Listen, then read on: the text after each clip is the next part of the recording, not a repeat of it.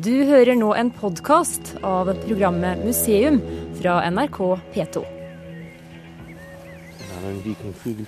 En vikingfugl, ja. Det er en musevåk. Ja, fantastisk. Vi er langt ute i en sommereng i Yorkshire. På en footpath hvor det er lov å gå uten grunneiers tillatelse. det it be opened? Vi vasser gjennom høyt gress og valmuer og klatrer over et sauegjerde. På vei ned mot et grønt belte av løvtrær som vokser langs en liten elv som slynger seg gjennom landskapet. It uh. Vi er like ved landsbyen Harrogate i retning Weatherby, hvis noen skulle dra kjensel på den TV-serieadressen. Men helt nøyaktig hvor vi er, det skal være hemmelig. For på et jorde ikke så veldig langt herfra ble det i 2007 funnet en oppsiktsvekkende flott vikingeskatt. It's quite important that we don't um, make it too obvious where the find came from. The landowner wants to keep it private, and the finders don't want lots of people knowing where it's from. We want to protect the site as much as possible. Sammen med oss er arkeologen Amy Cooper. Og det var til henne funnet av det som ble kalt Harrogate-skatten, ble rapportert. I'm a fines Liaison Officer for South and West Yorkshire, so I work for the Portable Antiquities Scheme. And it's my job to record archaeological objects that are found by members of the public. And as part of that, I also look after treasure. Um, Systemet her i England er sånn, sier Amy Cooper, at alle som finner gjenstander eldre enn 300 år, må rapportere det inn til myndighetene. Men hvis funnet er verdifullt, blir det taksert til kommersiell markedsverdi av en uavhengig komité. Og i januar i fjor kom det i aller høyeste grad en jordbylt med noe tungt og spennende og potensielt veldig verdifullt inn på Amys kontor. Yes, in January was when uh, this hoard was found, the Vale of York hoard was found, and because the finders live in my area, it was me they reported it to. So it came into my office. I was probably the first archaeologist to have the privilege of seeing it. Um, and so we sat in, in my office and we gazed at it and tried to work out what we could see because it was still covered in mud, it was still very fresh out of the ground, and we had no idea really quite what we were dealing with, but we knew it was something really special. Dette er at Se på den, da. Se på Den den, er ja. ikke konservert. Å, se, den er rett opp fra funnet. Det har blitt funnet eh, i Nord-England, noen kilometer vest til eh, byen York. Og det, det er kjent som den, den Harrogate-skatt. For meg, som er interessert i, i vikingene, er det den viktigste skatt som har blitt eh, funnet i min livstid. Slik hørtes det ut i museum fra høsten 2007, da dr. Gareth Williams viste fram det som den gang het Harrogate-skatten på British Museum. 617 mynter pluss 80 sølvgjenstander og en gullring lå begravd inne i et forgylt sølvbeger. Disse programmene, hvor også Svein Gullbekk fra Myntkabinettet i Oslo er med, ligger nå på museums podkastsider. Men la oss vende tilbake til åstedet, så å si. Etter halvannet år har skatten endret navn til The Whale of York Horde, vikingeskatten fra Yorkdalen. Og den er taksert til over ti millioner norske kroner. Penger som må samles inn, og som skal deles likt mellom finnerne og grunneieren. Litt av en sum for de som gikk der med metalldetektor og trodde de hadde funnet innmaten i et kassert vannklosett. The finders, when they came down onto the object, they were finding lead in the. And so at first they didn't think it was anything significant at all because there's lead found all over the place in little lumps and it's usually not very exciting. So I think they were rather shocked when this bowl came out of the ground. Um, and luckily for us, the detectorists knew what they were doing and they realised that because they found something silver that it had to be reported and they also realised that the lead became important because it was probably associated.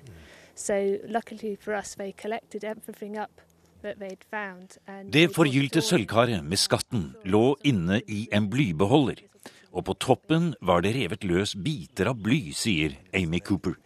Det var først da British Museum hadde røntgenfotografert funnet, at man skjønte at dette var en virkelig skatt. Arkeologene fikk tillatelse til å undersøke funnstedet, i all hemmelighet, men ute på det oppløyde jordet ble det ikke gjort noen som helst nye funn. Was um, field, land, and uh, archaeologists excavated the find spot after the hoard was discovered, they didn't find very many archaeological features, but they did find what they think is a plough mark which intersects with the hole that the detectorists dug. So we think that the hoard had already been disturbed mm-hmm. by the plough and perhaps dragged to its current location, which again shows how important it is that finds like this that are getting damaged are recovered. But did you find any other archaeological structures around it? There's nothing else in that field at all. The detectorists went there not expecting to find anything because they'd only ever found modern buttons there in the past. Mm-hmm. And we checked with the historic environment record to find out what else is known about that field, mm. and the answer is nothing at all and they've done a geophysical survey and found virtually no features. There's one possible ditch, but that's it. So it looks very much like this was an isolated place, and the hoard was buried perhaps deliberately in an isolated place, perhaps for safekeeping. Den som gravde ned skatten, må med vilje ha funnet et isolert og bortgjemt sted, sier Amy Cooper. Kanskje var det skog her den gangen, og ikke dyrkede jorder som nå. Kanskje sto det trær eller andre markeringer i terrenget, slik at det skulle være mulig å finne tilbake til en skatt som i sin samtid var stor nok til å kjøpe et helt kirkesogn i det norrøne Northumberland.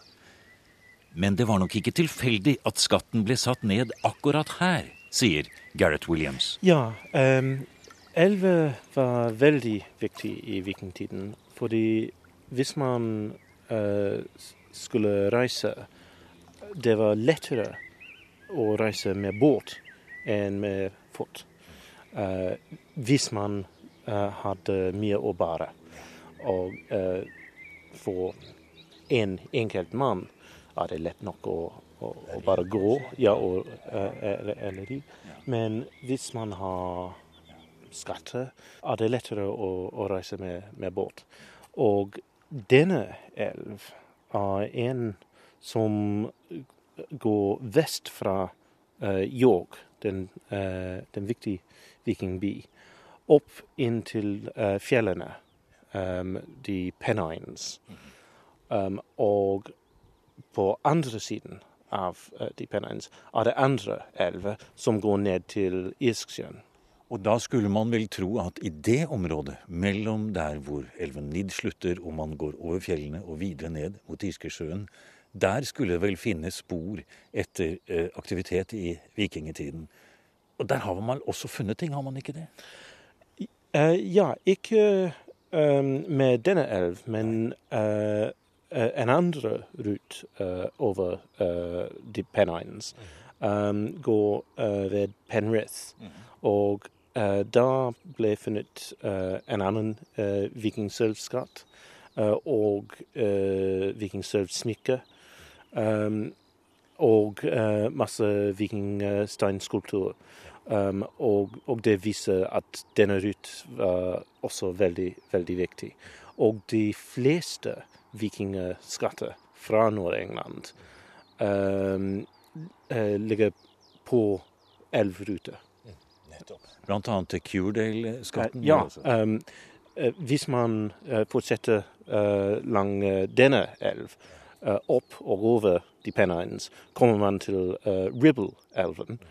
Og da ble funnet uh, de uh, Curedale-skatt, som er den største vikingskatt uh, fra det britiske øyen. Det er eh, fascinerende å tenke på Gerrit, at her som vi står nå og ser utover denne lille, smale elven, der har antagelig den båten eller de reist som har hatt med seg denne skatten vi er interessert i nå her. Eh, reist nedover elven, de har rodd mot strømmen antagelig eh, og kommet seg av sted. Så har de eh, gått opp på dette jordet som vi hørte Amy fortelle om, og gravd ned skatten. Eh, fordi man må vel da tro at det var viktig å gjemme den, for for det første må det vel ha vært urolige politiske tider. Og hvordan så det ut akkurat i dette landskapet vi er i nå, for denne eieren av skatten, som passerer elven her vi står, og tenker skal jeg stoppe her, skal jeg gå opp her? Han kunne jo begravd den her mhm. bak oss, ja. ja. men han gjorde det på et jorde like her borte. Eh, hva var det han var redd for? Vi vet ikke hvem eieren av skatten var. Eh, vi kan si at det må ha vært en ganske stor mann. Uh, ikke uh, en kong, sannsynligvis. Det er ikke stor nok for det. Men en, en, en ganske viktig mann. Det var en periode av stor uro. Vi kjenner at det må ha vært deponert ikke for 927. Ja. 927, ja. ja. Um, og uh, dette år ble Nord-England erobret av den sydengelske uh, kong Athelstan.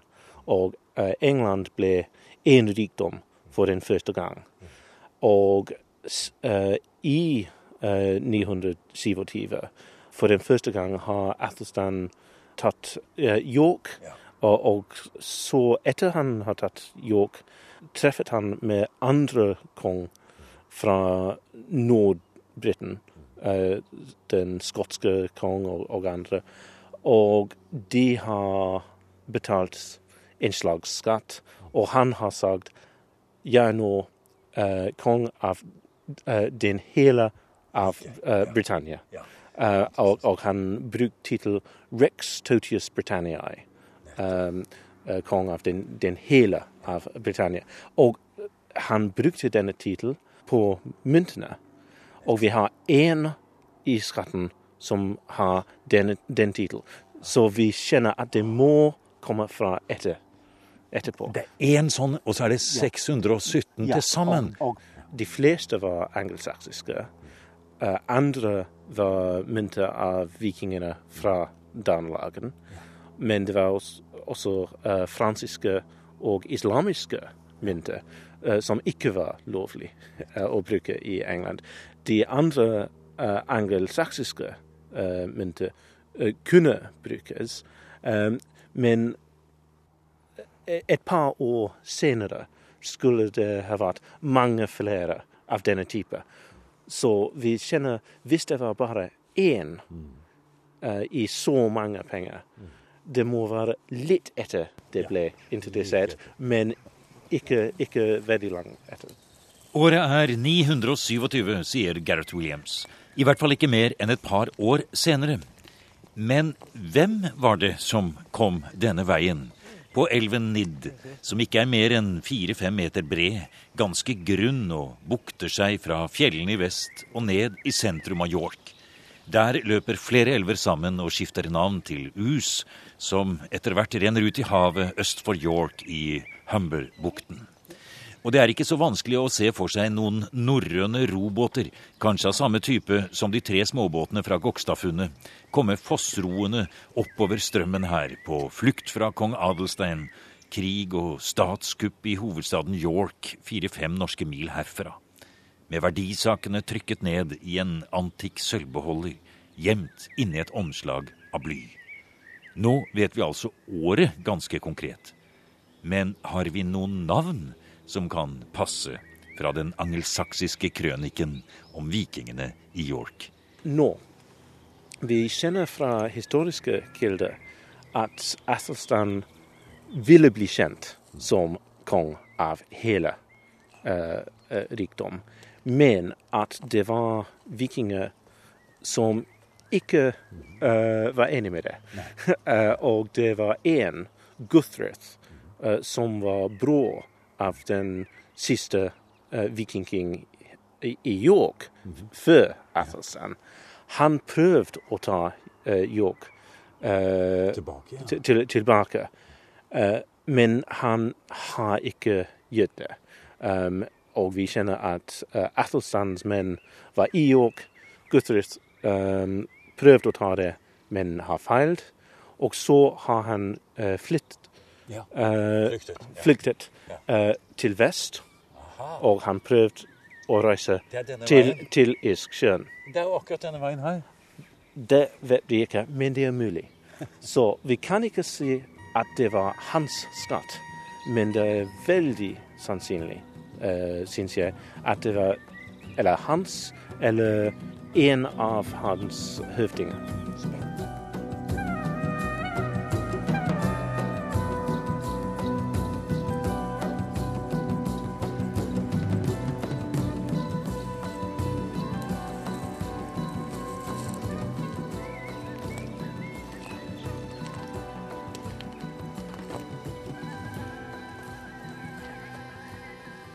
Kanskje var det Gudrød, sønn av Sigtrygg den blinde, som kom fra Dublin til York for å gjøre opprør mot Adalstein, men som mislyktes og måtte rømme med skatten. Han så den aldri igjen, men nå kan The Whale of York Horde gi oss et spennende vindu inn i både den norrøne og anglosaksiske historien.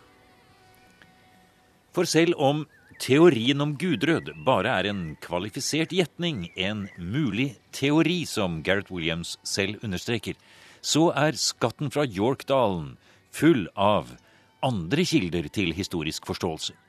Ved å se på myntenes preg, symboler og innskrifter får vi større forståelse for hvordan de norrøne kongene i Northumbria ville bli oppfattet.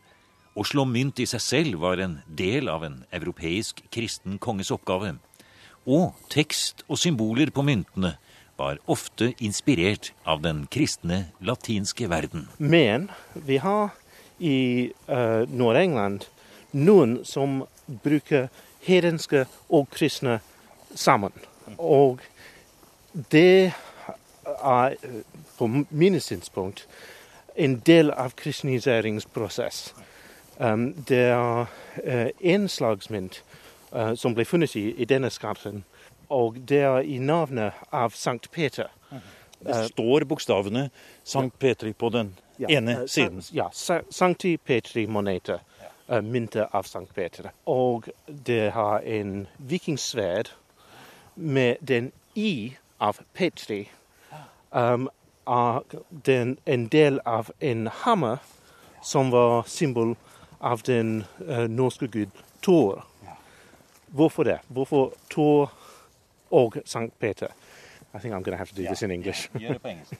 Um, the the reasoning behind linking St. Peter and Thor is based on a number of factors. The first is that um, St. Peter is famous as a fisherman, and although it's not the first thing one thinks of with Thor, Thor is also known as uh, a fisherman. He's in Norse mythology the first person to use a fishing net. Uh, it's used in the capture of the. Uh, the and, No, no, it's, uh, it- it's used for the capture of. Loki. Loke. Loke. Yeah. Um, but he also fishes for Midgardsormen. Um, that he does with a traditional hook and line, and we see that in stone sculpture. Um, so he's he's a fisherman. Peter's a fisherman. He's also the strongest of the gods and the defender of the gods against their enemies with his hammer. Peter at Gethsemane defends Christ against his enemies with a sword. Um, and we have both the sword and the hammer on the coin. Um, and I think what's happening with this design is that they're saying, we don't want you to worship your old gods, but actually Thor is just a different way of worshipping St. Peter. They're basically the same person. Here's someone that you can you can worship who's, who stays close to your, your Viking ideals. And Christianity has always been very good at adapting bits and pieces of other religions, taking over their feast days, taking over their gods as saints, taking over their holy sites and building churches there. And I think that's exactly what's going on in this period.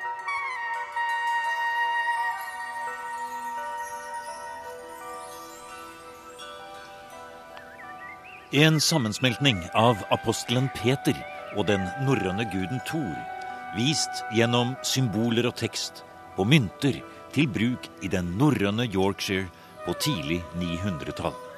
Et fantastisk møte mellom hedendom og kristendom som gjør myntene i skatten til mye mer enn pengehistorie.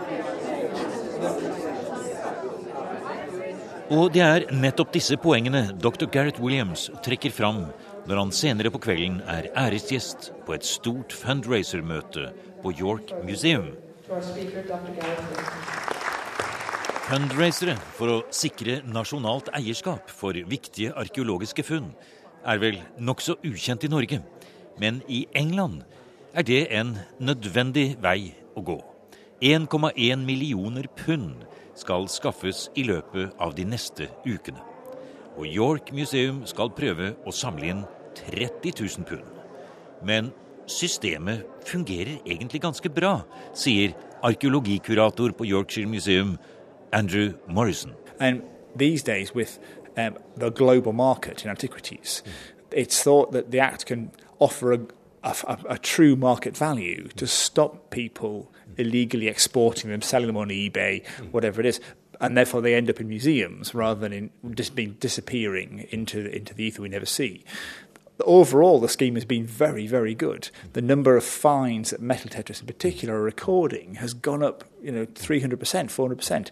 So people are bringing things in. I think in the past there was a lot of animosity between archaeologists and, and, and detectorists. So, I mean, it is a lot of money. It's enormous. You have an example just here, I think. Absolutely, yeah. yeah. I mean, um, what we're doing uh, is we're Uh, within this small white box, there's a very large, uh, Det strømmer inn med funn fra publikum som går med metalldetektorer.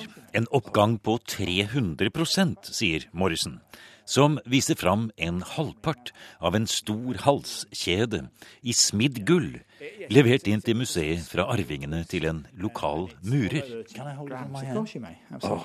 jeg holde den i hånden? Oh, it's heavy. Yeah, it's about a third of a kilo oh. uh, of pure yeah. gold. This came Very to the museum beautiful. by chance, really. Yeah. Um, Morrison skryter også av samarbeidet med British Museum. Etter hvert skal skatten fra Yorkdalen stilles ut både i London og i York. All the material that has been discovered in the last hundreds of years ends up in the British Museum mm. uh, now, as a national museum. Nowadays, it's much more things are acquired on a more cooperative basis. And so it's really, really good that the National Museum can work with a local regional museum in acquiring something. And of course, it's brilliant for us because we get to work closely with the National Museum. Men først må altså pengene skaffes til veie. En stor del av hovedsummen er allerede lovet fra National Heritage Memorial Fund. Og selvfølgelig skal venneforeningen til British Museum, hvor det også er mange norske medlemmer, gi sine bidrag. For selv et av verdens største og mektigste museer har ikke romslige nok innkjøpsbudsjetter til å klare 10 millioner kroner til ett enkelt funn. Absolutely not. We have a budget for the whole of the museum each year of £100,000. So this is 10 years' worth of acquisitions on one find. So there's no way that we could find that out of our own resources. But we've had to turn to various fundraising uh, bodies for help, uh, and we've fortunately got two quite substantial grants towards this. But again, they're very generous donors. I don't know what we or the museum sector as a whole would do without the help of organisations like the Art Fund. Går alt etter planen, blir The Whale of York-skatten kjøpt inn og stilt ut både i London og York. Til glede for alle som er interessert i den angloskandinaviske og norrøne historien i Nord-England. Men det blir ikke før tidligst neste år. Før det kommer det kanskje en stor vandreutstilling fra British Museum om vikingene. Men aller først kommer en ny bok på norsk fra Gareth Williams. Der tar han for seg en av de norrøne kongene som kom til York i årene like etter at skatten ble satt ned, nemlig Eirik Blodøks. Og i likhet med alle andre norrøne konger i Nord-England slo også Eirik Blodøks som konge av Jorvik sine egne mynter. Og på dem finner vi igjen Sankt Peters vikingesverd. Uh, alle de, de vikingkonger som hadde makt i Nord-England, har preget mynter. Uh, så for eksempel, vi har mynter uh, av Erik Blødags fra litt senere.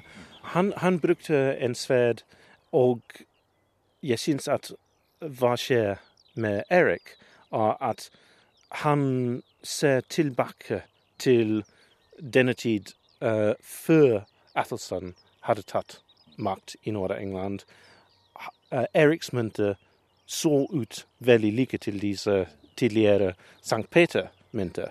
Og det ville si, uh, si til de som brukte dem, ja, vi har vår egen nordengelsk mynte uh, igjen, og vår egen nordengelsk kong. Så for dem var Erik ikke en viking eller en nordmann, han var en nordengelsk kong og uh, en Northumbrian kong. Uh, og de var ikke del av en større England. Du har nå hørt en podkast av programmet Museum fra NRK P2. Og send gjerne en e-post til museum krøllalfa nrk.no.